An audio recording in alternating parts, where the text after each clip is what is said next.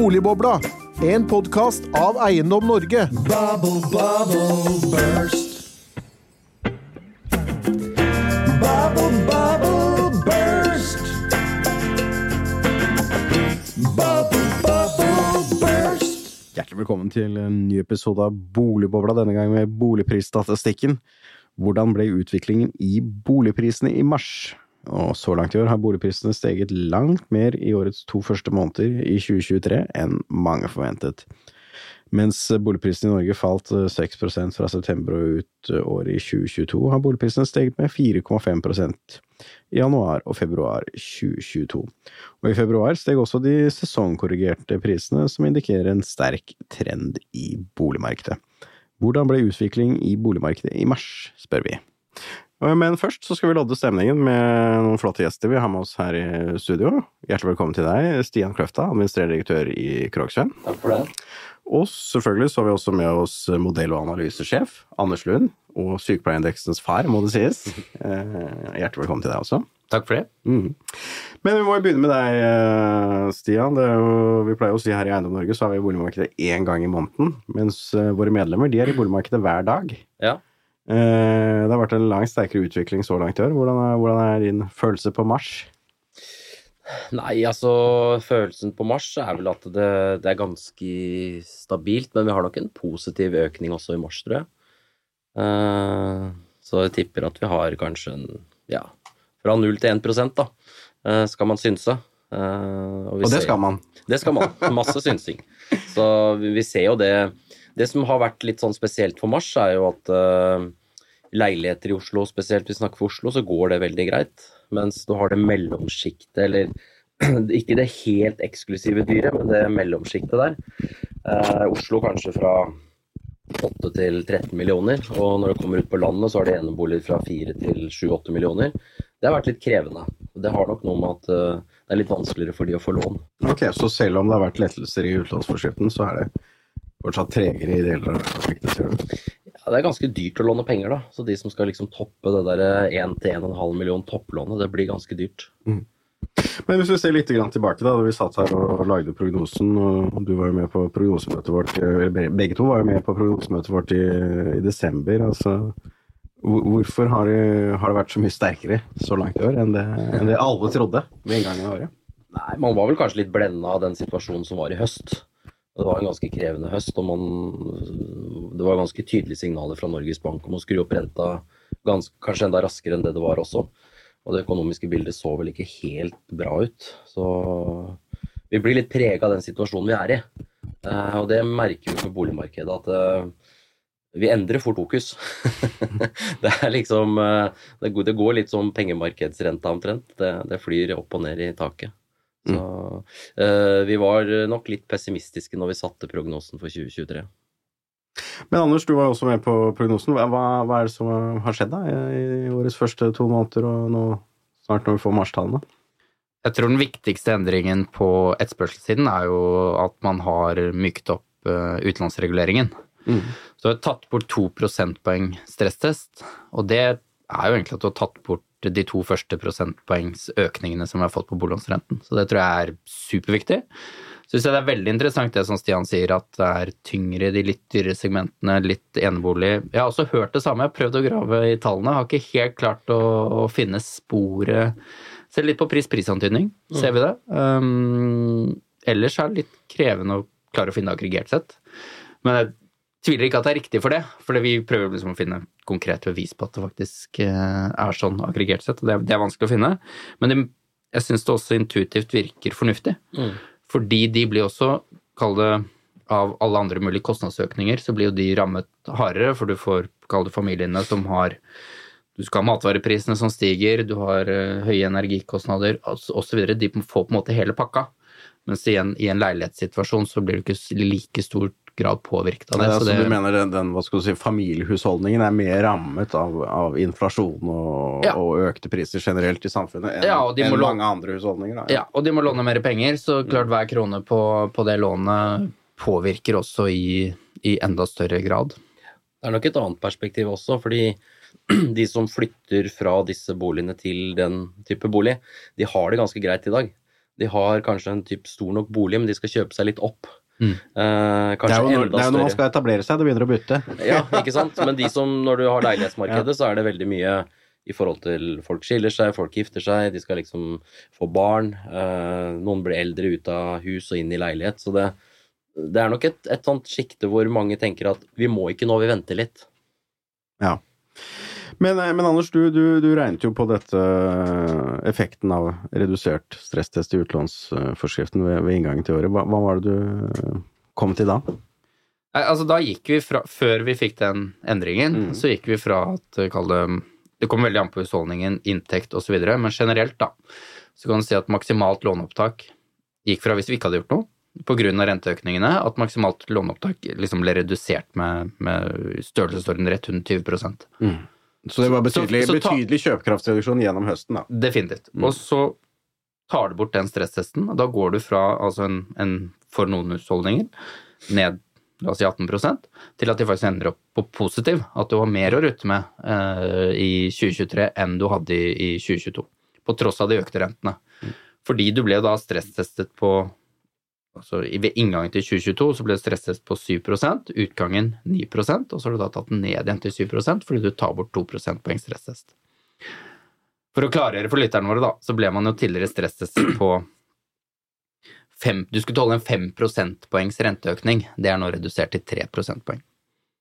Men hvis du Altså, nå har vi jo da Renten er jo kanskje Nå blir det jo kanskje én ekstra renteøkning før sommeren, antagelig, gitt det, det rentemøtet som da Norges Bank hadde nå for to uker siden. Ja. Eh, og kanskje så blir det ytterligere renteøkninger utover høsten. Mm. Og det Norges Bank skriver, er jo det at eh, nå er de mer opptatt av kronekursen, og det vil antagelig gi større smitte over på prisstigning i Norge. Og da blir valutakursen viktigere. Det vil antagelig vil renten gå enda høyere. Hva, hva vil det bety, da? På Nei, nå slår det krone for krone, Mm. og vi skal også huske på Vi var jo veldig overrasket i fjor også. Husker vi det? At det første halvår så steg prisene voldsomt på tross av den at såkalte eh, avhendingslovseffekten, som jeg kaller det? Det var det vi spekulerte i, men vi kom jo aldri helt til bunns i det, og så fikk vi ganske Nei, tøff Norges Bank var jo klare på det, eller vil man vel kanskje kunne si. Ja, men så fikk vi en tøff høst og, Mm. og, og prisreduksjon. Vi har tenkt litt på det i ettertid. Vi tror at uh, det tar litt tid fra det kommer en renteheving til det materialiserer seg i markedet, fordi folk sitter med finansieringsbevis, som de får i dag, da. Og det får du på dagens rentenivå og dagens regler. Så kommer det rentehevinger, Mm. og så Det tar på en måte et par måneder, fordi de finansieringsbevisene har en gyldighet på ja, tre til seks måneder eller noe sånt, da. Men hvordan forklarer du da det krappe fallet i boligprisene fra er september og, og til Nei, november? for da? da materialiserte de de Ja. som da ble gjort første halvår, de materialiserer seg da Mm. halvåret etter. Det er da det faktisk materialiserer seg i markedet. Så de rentehevingene som nå kommer Vi, vi spår ikke, men det, det er lett å se for seg at de da får effekt. De får ikke effekt umiddelbart i boligmarkedet. Mm. Fordi det er tregheter her. I aksjemarkedet så får du effekt med en gang. Det gjør det typisk ikke i boligmarkedet. Stian, har du Altså, jeg, mange, tro på rente... Renten er enda ikke priset inn, er vel egentlig det Anders ja. sier her, da. Eh, nei da, og det, og det er jo riktig at eh, det tar jo seks til åtte uker før de, før de regnes inn.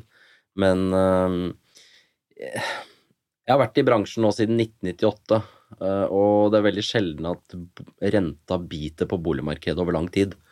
Eh, det er ofte litt sånn kortsiktig virkning. På de korte bildet så er det liksom kreditten og renten som avgjør. I det lange løpet så er det tilbudet. Ja. Det er mange som sier. Nettopp. Så det er jo litt sånn rart at uh, Norges Bank hele tiden skal Vi skal sammenligne oss, og vi må jo selvfølgelig følge, følge Europa, jeg, jeg forstår det. Men, men å sammenligne kanskje renteøkning, så skal den dempe inflasjon, men man snakker også om, om boligmarkedet. Boligmarkedet i Norge er jo ikke likt noe boligmarked i hele verden.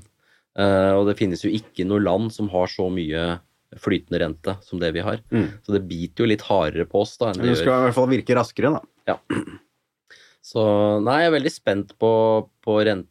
Det er klart, hvis vi får en rente på 3,75, så begynner det å bli kanskje boliglånsrente på 5% pluss, da. Eh, Og da begynner det å bite godt på de som har mye lån. Mhm. Og, jeg tror jo ikke Altså, man kunne jo For det skal komme en tilbudsflom av, eh, av bruktboliger, altså type 90-tallet, at det blir mye tvangssalg, det er jeg egentlig ikke Ja, det så var jo faktisk, bekymret så for. vi jo her på, for et par dager siden, var vi inne og så på tvangssalgene, og de har faktisk gått ned. Ja. Og, men, det, og det, men det tar veldig lang tid før vi ser. Fordi det, da skal det være en, det er en lang prosess før du faktisk ender i Mm. tvangssalg, hvor du tinglyser tvangssalget. Men husk på at, som vi snakket om innledningsvis også, låntakerne har blitt stresstestet på frem prosentpoeng. Så de skal tåle den renten her. De altså, drar ned blitt alt eh, annet stresstest på det siden da 1. januar 2017, da. Så det er jo, hva skal du si, fem-seks år at norske låntakere har blitt stresstestet på det. Og det er jo de andre låntakerne har kommet inn på mye vesentlig lavere nivåer. Det var jo mange faktorer, tror jeg, som fikk den høsteffekten som vi fikk. Altså For det første så begynte krigen virkelig å, å bite litt. Man begynte å forstå alvoret. Mm. Man frykta det, og så kom strømprisene som Mm. Ja, jo, når du ser på strømpriskurven da, fra i høst, den er jo helt vilt. Ja, og man snakka Ja. om Mm. prisøkninger på matvarer. All, alt skulle øke. Så, så tror jeg folk satte litt på bremsene. Ikke isolert sett for å bytte bolig, men det var sånn Hva blir totalkostnadsnivået mitt? Jeg må vente litt og se. Og så var det, eh, kom vi fra 2021 og inn i 2022 med et veldig positivt boligmarked. Mm. Alle skal selge, så får du en overflow av boliger, og så får du en kollaps, da, som vi gjorde i høst, mer eller mindre. Nei, det er fascinerende den strømprisen, for jeg var inne og så på den, og, vi tikket jo da var det midtveis i oktober, var vel altså høyeste strømprisen var på 10 kroner kilowatten. Mm, november. november. No, ja, noe sånt, eller overgangen der. Altså, det er jo Det der tror jeg vil bli forsket på i lang tid fremover, hva som egentlig foregikk, eh, for å si det sånn. Men eh, hvis vi skal tenke litt på, på mars, da. Jeg ser jo mars er jo normalt en eh, positiv eh, måned, med unntak av eh, 2020, da, hvor pandemien selvfølgelig traff inn, hvor vi fikk en negativ utvikling i mars. Eh, Anders, hvorfor er, det, hvorfor er det sånn at boligprisene i Norge som regel da stiger om våren og faller om høsten? Ja, det er et uh, Det er et veldig godt uh, spørsmål. Um, Ja, for det er jo klare sesongmønstre det er i i priser. Mm. åpenbart. Men også volumet, da. Er jo også Ja, volumet er det enda større. Da Mm. kommer de store volumene kommer nå fremover etter påske. mm. Prismessig så er det jo egentlig faktisk første kvartal at det er eh, størst, kall det sesongeffekt. Um, hvorfor? Jeg vet ikke, om jeg skal være ærlig. Eh, de beste boligene kan man se for seg at blir solgt på sommeren fordi du ønsker å fremheve de beste attributtene, som de flotte utsikten, altså de, de, gode, de gode egenskapene. Men jeg tror nesten jeg får spille den tilbake til bransjen, altså. Hvorfor, eh, hvorfor de eh, Og så kan det jo selvfølgelig være ren sammensetningseffekt som vi kanskje kunne ha tatt hensyn, at det ikke nødvendigvis er så store prisspor som det man som det ser ut som i statistikken. Men jeg, nei, det vet jeg faktisk ikke. Men du kan jo kanskje forklare hvor, dere, denne sesongjusteringen. Da. Det, er jo, det er jo to tall som er på en måte nøkkeltallene i, i boligprisstatistikken. Det ene er jo den løpende nominelle utviklingen, det andre er jo den sesongjusteringen. Ja. Hvorfor gjør man fordi sesongjusteringen, og hva betyr Ja, sesongjusteringen? det er fordi man er ute etter hva er den underliggende trenden. Mm. Det er det, vi, det er det vi ønsker å måle. Altså hva var prisendringen eh, justert for sesongfaktorer? Og så pleier, hører jeg ofte man sier hva som er normalt, men det er litt eh, forvirrende for mange, fordi normalen har vært boligprisvekst. Mm. Så vi ønsker å se var det isolert sett i den måneden her, var det boligprisvekst. Det er det vi er ute etter. Veldig enkelt, dette er, dette er en forenkling, det vet jeg, men allikevel så syns jeg den er nyttig. Ta den sesongjusterte tallet, gang det med tolv. Da får du årsveksten som den måneden isolert sett eh, impliserer. Mm. Så det, det er på en måte det er det beste tallet å se på, for hva var det som skjedde den måneden her. Eh, ta januar og februar, så var det relativt sånn moderat sesongjustert eh, vekst. Det var, Det var flatt i januar, og så var det i februar da Ja, 0,3 var det vel, ja. Ja, 0,3 ganger med 12, 3,6 prosent. Mm. Så det er, det er moderat prisvekst. Mm. Det er du innenfor pluss-minus 0,3, så sier vi hos oss så sier vi at det er flatt, altså. Mm. Og så bikker du på en måte 0,5 oppover der, så er det enten signifikant prisvekst eller prisfall. Mm. Så det er og Sesongjusteringen er viktig for å se på det, hva skjedde underliggende. Så Stian, du har jobbet med, som eiendomsmegler siden 1998. Det tikker inn da 25 år, faktisk. Ja, Et, kvart århundre, Ja. faktisk. Eh, normalt så skal vi jo da ha en eh, såkalt vårflom nå etter påske. Eh, Ja, altså, det er jo Media har vært opptatt av vårflom. Når kommer flommen? Og det er det vi snakka om nå i ti år, og den kommer jo ikke. Eh, Jeg, jeg tror at uh, flom var noe som vi dreiv på med på slutten av 90-tallet og begynnelsen av 2000. Fordi da solgte vi nesten ikke boliger på vinteren. Eh, Da skulle alle selge når det liksom ble varmt i været. Så da, da kom flommen, for da kom alle boligene på markedet. altså, det var mye større svingning med, med aktiviteten gjennom året. Ja, så må vi huske at eh, gjennomsnittlig omsetningstid var 90-100 dager. Ja. Så det, det, det fylte seg opp på en helt annen måte. Nå går det så kjapt. Så når du legger ut eh, 1000 boliger nå, så er de borte nesten uke. Eh, Så, så det, det, det blir ikke værende ved, da. Derfor så får man ikke flommen, for det hele tiden så står det noen og tapper i bånn. Så du klarer ikke å fylle på nok, da. Med mindre du får en sånn oppbremsning som vi fikk i høst, da. Mm. Men allikevel så ser du jo, vi har jo sett på de da daglige datene gjennom mars nå, det er jo før, før påske nå, så har jo tilbudssiden altså gått, gått ned. Det er blitt færre lagt ut. Ja. Så det er jo antagelig en del som nå skal enten realiseres eller legge ut. Altså. Ja da, du har, du har, en, du har en naturlig effekt inn mot påske, hvor eh, man venter med å legge ut ting til etter påske. Eh, så, så det tappes ganske bra mot påske, og så legges det ut ganske mye nytt. Men folk lurer liksom på hvor ble det av flommen, for det, det oppleves ikke at det er en flom. Men det er mange boliger som kommer ut. Mm. Det er forskjellen. Men det, det, det tømmes så fort, da. Uh, og når det er en flom, så skal det jo flomme over en periode. Men her flommer det ikke, og her renner det bare tvers igjennom gata. Og så er det, er det noen som plukker opp Så, ballen. så du, du vil egentlig drepe det begrepet vårflom i boligmarkedet, med andre ord? Flom i boligmarkedet får vi ikke mer. Nei. Det, da, da må omsetningstiden gå opp såpass mye at det blir værende flere boliger i markedet over tid. Altså, det er jo etterspørselen som, som varierer her. Ja. Ikke sant? For det er du opptatt av, Anders. Du, du, du satt litt på spissen, så mener du at eh, boligtilbudet og antall transaksjoner i det norske bruktboligmarkedet det er relativt konstant, det har i hvert fall vært det de Ja. siste årene, men det er etterspørselen som, som Det er det som gjør at den tilbudssiden som du refererer til, varierer. Mm. Det er at tilbudssiden, nei, etterspørselen endrer seg. Mm. Fordi det blir lagt ut omtrent 100 000 De siste fem årene så har det blitt lagt ut rett i overkant av 100 000 boliger for salg. Mm. Bruktboliger. Hvert år. Mm. Men så varierer jo den daglige tilbudssiden, nettopp eh, som Stian er inne på, etter hvor raskt de blir tatt unna. Altså hvor bra dreneringen funker. Og den dreneringen Dreneringen, ja. Dreneringen i boligmarkedet! Den Det er- er dreneringen er etterspørselen. Så hvis du tar bort etterspørselen, det er den som varierer. For når den da er på, på det absolutt hotte som 2016, godt eksempel. Ja. Lagt ut 100 000 boliger.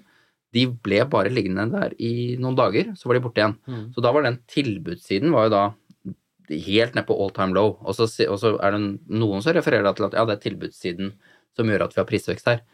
Nei, det er etterspørselssiden. Tilbudet er akkurat det samme som det var i 2016 som det er i år, Mm. men det er etterspørselen som varierer. Mm. Og det er bare på hvor raskt den uh, tas unna. Nettopp. Men en, en annen uh, stor, stor tema nå, det er jo selvfølgelig nyboligmarkedet. Ja, Eh, der er det jo- Og, og det går måned for måned. Det blir bare lavere og Mm. lavere salgstakt. Um, Det er viktig. Altså, den tilbudssiden varierer.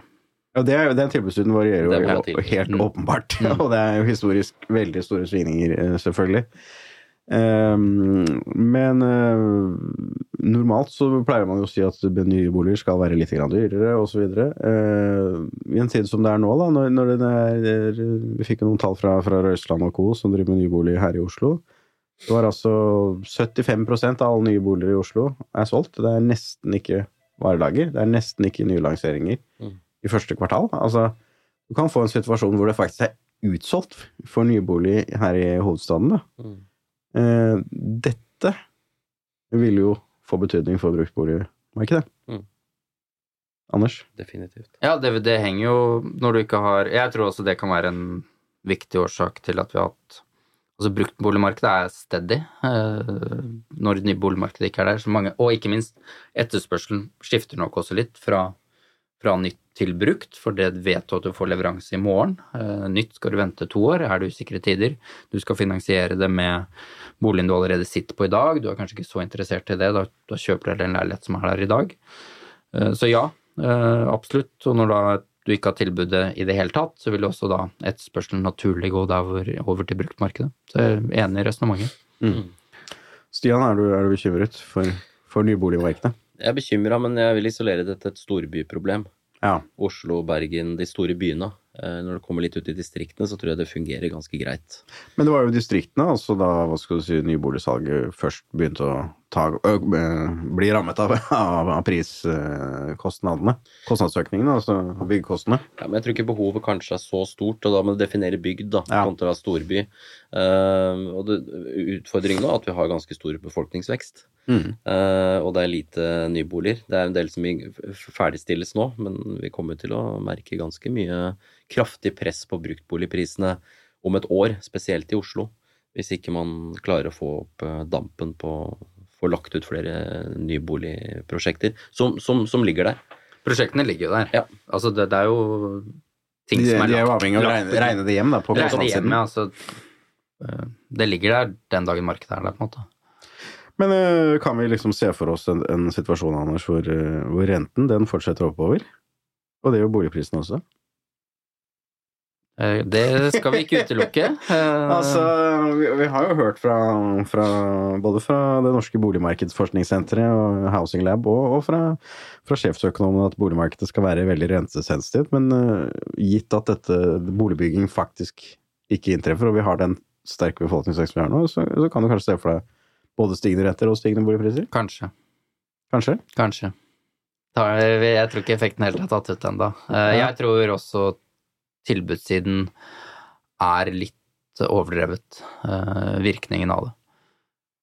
Men Ja. eh, den, den, er- den syns jeg er mye, mye vanskeligere å, å, å se, kall det effekten. Det, det er så sammensatt eh, Dette er lange resonnementer som, Ja, som jeg har tenkt mye på. Jeg har noen minutter til her, ser jeg. Ja, så bra. Nei, altså um, Vær med meg på, på resonnementet her, da. Jeg, jeg har kjøpt eh, bolig på Øraker eh, selv, som er um, ja, rett ved Lysaker, for de som er kjent.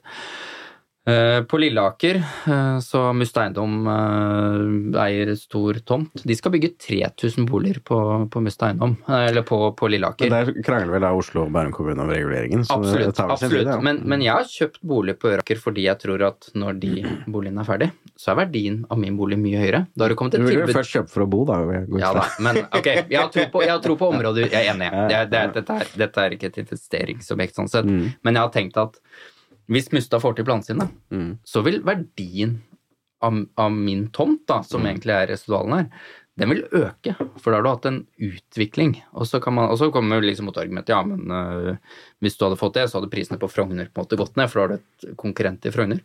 Mm, ikke helt sikker på det. Eh, la oss si at Oslo, hvis vi tar Oslo som by, eh, du, du utvikler byen, du, du får mer attraktivt for internasjonale arbeidsplasser osv., osv., så, kan det faktisk bidra til at tomten er mer verdt, byen er mer verdt. Mm. Høye priser er et bevis på at byen er vellykket fordi tomteverdiene er høye. Og det skjer ved bygging, for jeg argumenterer ikke for at man ikke skal bygge. Mm. For det, det er verdiskapningen selv. Du, så lenge du gjør det bra, så, så er det verdiskapning. Og jeg tar resonnementet enda et tak. La oss si at vi i 1990 da, sa i Oslo det skal være total byggestopp i byen vår. Og så spoler du tilbake til i dag. Da er mitt bedt at boligprisen hadde vært lavere i Oslo i dag. Ikke Fordi det hadde blitt uh, antagelig blitt bygget et annet sted, da. Ja, Ja. Da hadde Bergen uh, tatt opp konkurransen med, med altså det- og tatt byutvikling. Det hadde en, det hadde vært en Oslo hadde vært taperbyen, om du skal, om du skal si det sånn. Og det er derfor jeg, jeg syns den, den byggingen, den er eh, vanskeligere å, å se på og effekten på prisene enn etterspørselssiden, som er Den er ganske enkel. Altså Eh, og jeg, jeg kjøper absolutt argumentet om at uh, tilbud og etterspørsel henger sammen osv., men jeg, jeg bare sier at den er vanskeligere å, å skjønne, kall det sammenhengende, Fordi byggingen påvirker tomteverdi. Nei, altså Det er jo åpenbart at øh, de ulike byene de konkurrerer mot hverandre. Så, Ja, og land konkurrerer med hverandre. og land konkurrerer med hverandre. Ja. Build it and they will come. Mm, mm. Så, så vi, er, vi er prisgitt et øh, Hva skal du si det, det er en fordel å være et attraktivt sted også. Nettopp. Det, Det så det, kan være et paradoks. Ja, ja, det det, det, et paradoks. det kan være en illusjon at man tror at man kan bygge seg ut av et uh, Kall det et prisproblem, men hvis du da bygger ordentlig bra, så kan du faktisk ende med at du har høyere priser in the end of that road. road. Det er jo Boligprisene preges jo veldig mye av arbeidsmarkedet. Eh, Definitivt. Det er jo Så lenge det er bra sysselsetting i Norge og folk har fast jobb, så kommer boligmarkedet til å fungere. Det Derfor tror jeg. tror jeg at vi kommer til å få økte priser også tross økte renter. Mm. Uh, men at det vil være mye mer stabilt boligmarked, Mm. og det er bra for oss.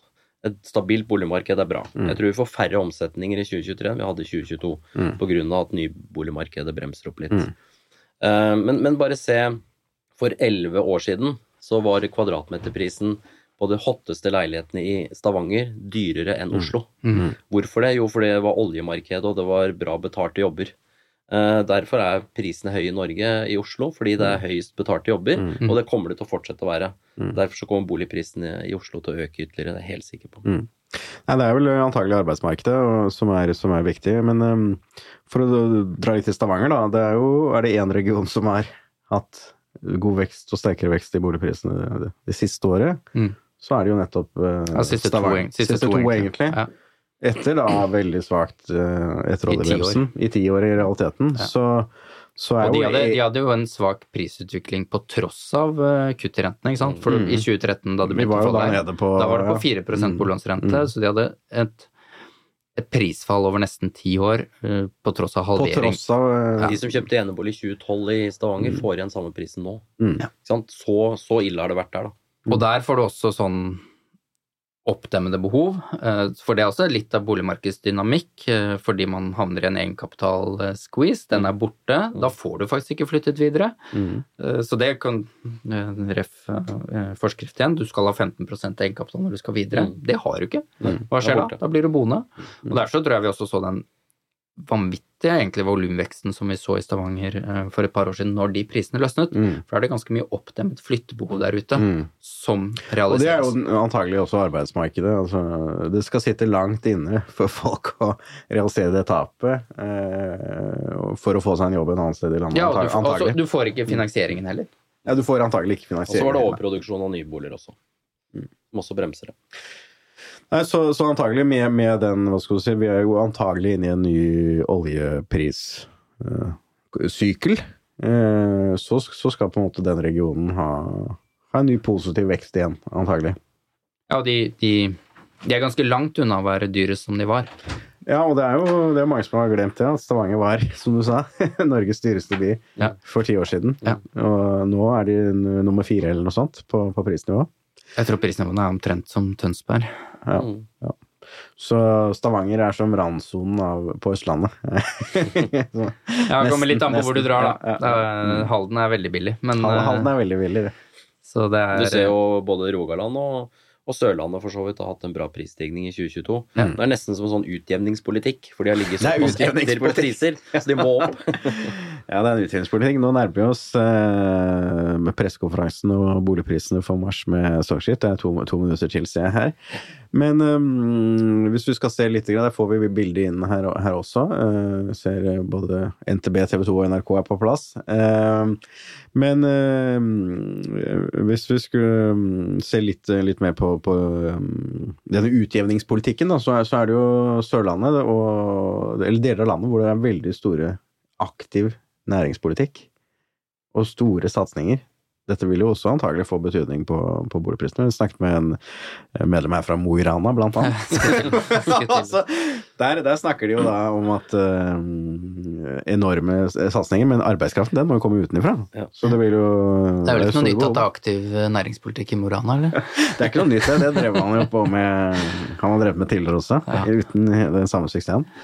Men, eh, men det, disse områdene, disse stedene, da, for å si det sånn, hvor du får disse satsingene, det er jo grunn til å anta at det vil påvirke boligprisene betydelig. Jeg får ikke lov å diskutere min, min kone er fra Mosjøen, og Mosjøen og Mo i Rana er ikke Det er ikke tema. det er ikke tema. Men er- boligpriser henger sammen med infrastruktur, Ja. Og E18 bygges ut, så det vil være bra prisstigning nedover. Men nå ser jeg, nå er det ett minutt igjen her til pressekonferansen, så skal vi få, få satt ned og vi får også få, få boligprisene. Der kommer Henning Lauritzen også, så da vi fortsetter sendingen etter pressekonferansen. Nei, boligprisene steg 1,2 eh, i mars og 0,5% sesongjustert, kunne Henning Lauritzen fortelle her. Dette var jo mye sterkere enn det alle ventet, Stian, og du også, her på, før pressekonferansen. Ja, det var litt sterkere enn jeg hadde venta, faktisk. Så det er imponerende, det boligmarkedet i Norge. Altså. Det, Imponerende. Ja. Re- Renten biter ikke, det var vi var jo inne på, på før pressekonferansen her. Det er, uh, dette er jo kanskje et argument for, eh, for Norges Bank å sette opp renten ytterligere. ja, Um, så er jo spørsmålet om vil det påvirke det uh, med ytterligere renteøkning. Usikkert. Ja, Anders, er du, du overrasket over styrken i boligprisutviklingen? Absolutt. Jeg må si det. Ja. Altså Boligmarkedet overrasker alltid. Ja, en kollega av meg sa det i midten av februar. Jeg skjønner ingenting av det boligmarkedet. Når du setter ned renten, så tar det fyr, og når du setter opp, så skjer det ingenting. Nei, altså det er jo eh, gitt hva vi har lært av eh, Både Handelsbanken var ute med en rapport her i går og, og gjentok sitt, sine modellstudier hvor hvor rentesensitivt det norske boligmarkedet er. Det, det er overraskende. Det, det er veldig overraskende. Det, det er et poeng da, at de studiene som er gjort, er jo gjort på fallende renter og stigende boligpriser. Så det, Så nå, nå går vi andre veien, ja. Mm. vi går andre veien. Men vi, vi har jo sett tidligere rentehevinger, så har det blitt eh, Det har blitt sammenfallende med veldig moderat eh, prisvekst. Det har det jo. Mm. Og ikke minst de rekylene som det refereres til. Mm. De har jo også vært eh, en effekt av ganske kraftige rentekutt. Ja. Mm. Så det har på en måte de kaller den boligeksplosjonen, når det da refereres til Altså 2016-nedsettelsen er jo um, Kraft, Kra- berømt. kraftig nedsettelse. Du har covid, kraftig nedsettelse. Mm. Så du har flere av de, de som er eh, naturlig å anta at det er veldig sam, altså, sammenfaller med renteendringene. Altså. Det skal jo sies at vi har jo så å si null utvikling siste tolv måneder. Mm. Så jeg vil jo si at vi kanskje nå har bare henta oss litt igjen den der sjokket vi fikk i høst. Mm. Så det er veldig stabilt. Jeg tror et stabilt boligmarked er bra for boligmarkedet, for du skal kjøpe og selge i samme marked. Mm. Spesielt viktig. Nei, for når det kommer til stykket, så er det jo, det er jo reelle behov som, som driver dette. Så folk flytter ikke for gøy, eller hva, Stian? Ja, jeg tror en del gjør det vet ikke hvor mange boliger du har solgt opp gjennom årene, men Nei, det blei vel 800 boliger på ni år, så det blei jo en del transaksjoner ja, på de årene. ja. Men eh, nei, altså stort sett så er det jo et behov man har. Eh, Men noen flytter nok litt for gøy òg. Noen har nok lyst til å bare få noe større for gøy, fordi man har muligheten. Eh, Det er ikke sikkert behovet er der. Og det er vel kanskje det vi merker litt nå på de boligene som, som er litt større, som gjerne skulle hatt nye kjøpere. Fordi de har det egentlig ganske bra, så de kan vente litt og se hvordan kostnadsnivået blir. Så det er ikke alle som kjenner seg igjen at boligmarkedet er tappa for boliger nå. Det, er, det sjiktet der er det en del boliger til salgs, faktisk. Så der kan man gjøre litt kupp. Men det er jo volumene da, i, i så langt. Altså det er, eh, nå var det jo i fjor solgt ganske få boliger, i hvert fall første kvartal. eh, Den såkalte avvenningslovseffekten, som vi kalte det. Men nå er det 8,2% flere. Men lagt ut, det går nedover. Ja, vi så jo en kraftig reduksjon i Oslo, spesielt i mars. Mm. Uh, men det har nok noe med også at tilbudet har vært litt stort i Oslo, så det justerer seg litt. Uh, så det er jo det vi merker, at uh, oppdragsinngangen, spesielt januar-februar, var ganske dårlig. Mens mars så har aktiviteten tatt seg av ganske kraftig igjen. Så, så jeg tror at vi kommer til å ha en ganske stabil tilbudsside nå etter, etter påske. For det ble lagt ut ganske bra med boliger i januar og februar. Og så har det jo vært mindre i mars. Det tror jeg også henger sammen med datoen for påske. Mm. Så det må vi ha med oss. Så Mm. tror jeg det kommer eh, flere ut nå på andre siden av, av påsken. Mm. Men, men altså, la, oss si den vårflommen nå ikke skulle bli så sterk, da. Som, og det ikke er noe vårflom, det er bare mer en sånn liksom jevnt Jo, det, drag. jeg, jeg leser jo Stian som at uh, det regner som bare det, men vi har veldig bra drenering. så, det. Det regner, så ja. det kommer boliger. Ja. Og det er også viktig for, for boligkjøperen. Altså når, når du har den For det oppleves veldig stressende for boligkjøperne. Ikke sant? At du, du opplever at det er veldig lite på Finn. Det er ingenting ute der. Mm. Det kommer boliger. Ja. Det kommer boliger hele tiden. Og det, det, det, det dreneres, ja. Ja, det gjør det. Så det kommer nye. Det er en, det er en, um, det er en flyt. Men for å tenke litt på, på makrobildet her, da. Det er uh, Antagelig går det bedre i norsk økonomi, sa Henning Lauritzen her. Det kan være én grunn. Vi har ikke lønnsoppgjøret, det ligger foran oss. Uh, egentlig skulle vi kanskje ikke sett disse boligprisene, uh, for å si det sånn. Altså, det, er, det er nesten det som overrasker meg mest. Ja. Altså, som vi diskuterte før vi gikk på sending, med at uh, utenlandsreiser etterspørres som bare det, på tross av svak valuta. Mm. Det er, for én en ting er på en måte at boligmarkedet holder seg greit, og mye bedre enn det vi forventet, absolutt. Mm. Men at forbruket holder seg så bra. Det, det, det har jo blitt forklart med, med den høye spareraten som er bygget til. Men, Ja, altså du har negativ spareraten nå, det ser man jo. Det men nå kommer jo tidenes eh, skatteoppgjør, eh, fikk vi melding fra Ja. skatteetaten her. Altså 44,5 milliarder kroner skal utbetales til, eh, tilbakebetales til, til altså stort sett alle lønnsmottakerne. Så det er derfor. Så, så det er konsumet de, har, de har jo fått meldingen nå, vet du. Det- så det, er- det, er klart det går rett til Jeg har jo allerede sendt, eh, sendt inn min selvangivelse og fikk jo beskjed om faktisk at jeg i løpet senest innen fire uker ville få tilbake eh, det jeg hadde betalt inn for mye. Ja, ja. Så dette går jo også veldig fortere, fortere eh, i tillegg til at det da er betydelig storbeløp. Så antagelig min hypotese er i hvert fall det at konsumet vil eh, holdes oppe. Det er nok mange Granca-reiser på de skattepengene. Ja. Og så har du det andre, da. Så det er jo mm, den, den, den svake kronen. Det er jo ikke bare negativt. Altså for norsk reiselivsnæring og for norsk deler av norsk næringsliv er jo dette veldig positivt. Bare se laks i dag. Ja, så, så, så det er jo ting som drar i ulik eh, retning her, og, og, og kanskje er det dette som drar boligmarkedet, jeg vet ikke. Anders, Vær så god. vær så god. Ja, det, ja. Jf. arbeidsmarkedet er det viktigste. Ja, arbeidsmarkedet så, er det. Så, så, så, er jo godt konsum, Helt god eh, Absolutt. vekst i økonomien. Absolutt. Altså hvis du mm, Vi holder litt, eh, litt foredrag om, om boligmarkedet, og for noen år siden trakk man liksom fra hva er Må alltid trekke fram hva er risikoen fremover, og da var det som ja, høy inflasjon, uh, akkompagnert av da høye renter. Mm. Det var to av punktene, og så måtte da tredje dårlig arbeidsmarked. Mm. Så den siste har vi jo ikke. Og den har vi ikke. Og den, Den får, vi ikke. får vi antagelig ikke heller ikke. Kanskje, men det er fortsatt risikoen. Er- Spør, spør du meg, ja. hva, hva er risikoen? Ja, Risikoen, risikoen er at arbeidsmarkedet Mm. Altså at rentene biter. Mm. konsumet går det er, det, skjer, det er jo det som skjer i Sverige nå, for å si det sånn. Ikke sant? Og så Mm. får du da et dårlig arbeidsmarked på toppen av det, men så har du fortsatt høy inflasjon. Mm. Og så er det Da begynner man å diskutere ja, kan man ha det. Eh, Noen økonomer Dette er ikke, dette er ikke min hjemmebane, altså. Men noen vil, noen vil jo da hevde at det kan du ikke, for da er etterspørselen så dårlig i økonomien, så da vil prisen, prisene falle.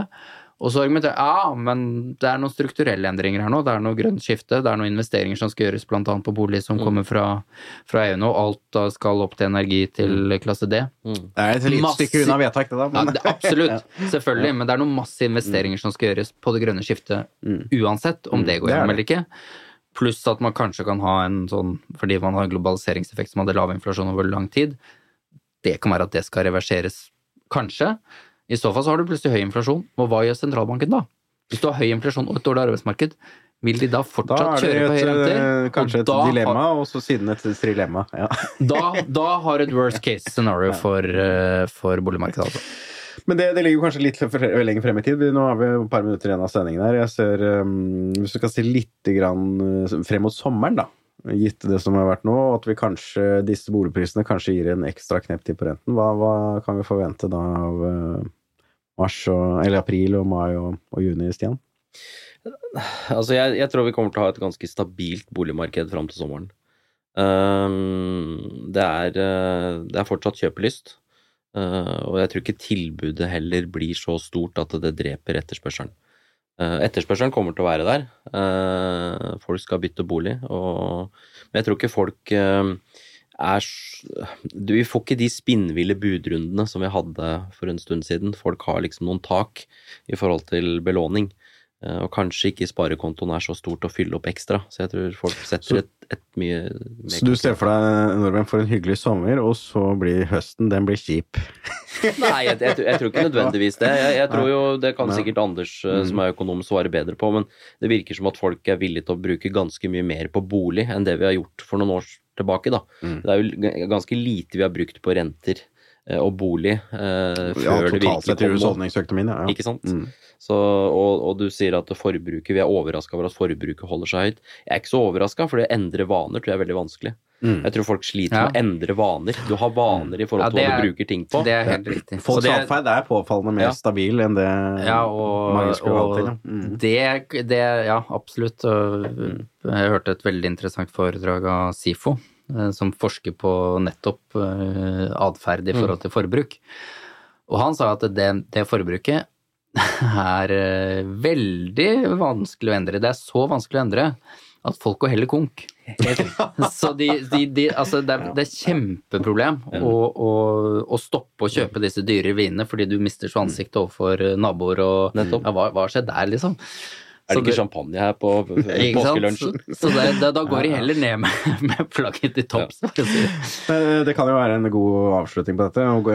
Folk vil gå ned med flagget til topps enn å miste ansikt. Så, men eh, vi er i hvert fall takk til Anders Lund, eiendomsverdi, og takk til Stian Kløfta. Strålende gjester her i Boligbobla TV. Og vi er tilbake med Boligbobla TV med boligprisstatistikken om én måned, eh, mer eller mindre. Så hjertelig velkommen tilbake. Takk for denne gang. Boligbobla, en podkast av Eiendom Norge. Bubble, bubble, burst. Bubble, bubble.